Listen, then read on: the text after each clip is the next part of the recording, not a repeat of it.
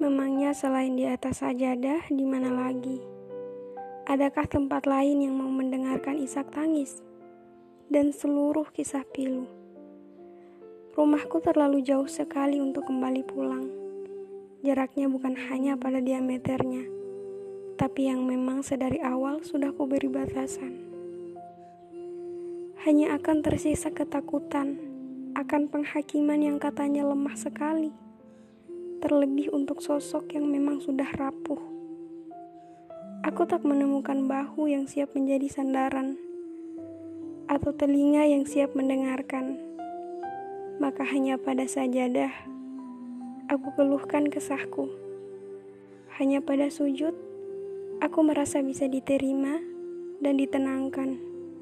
Karena hanya pada Tuhan, ceritaku didengarkan tanpa penghakiman.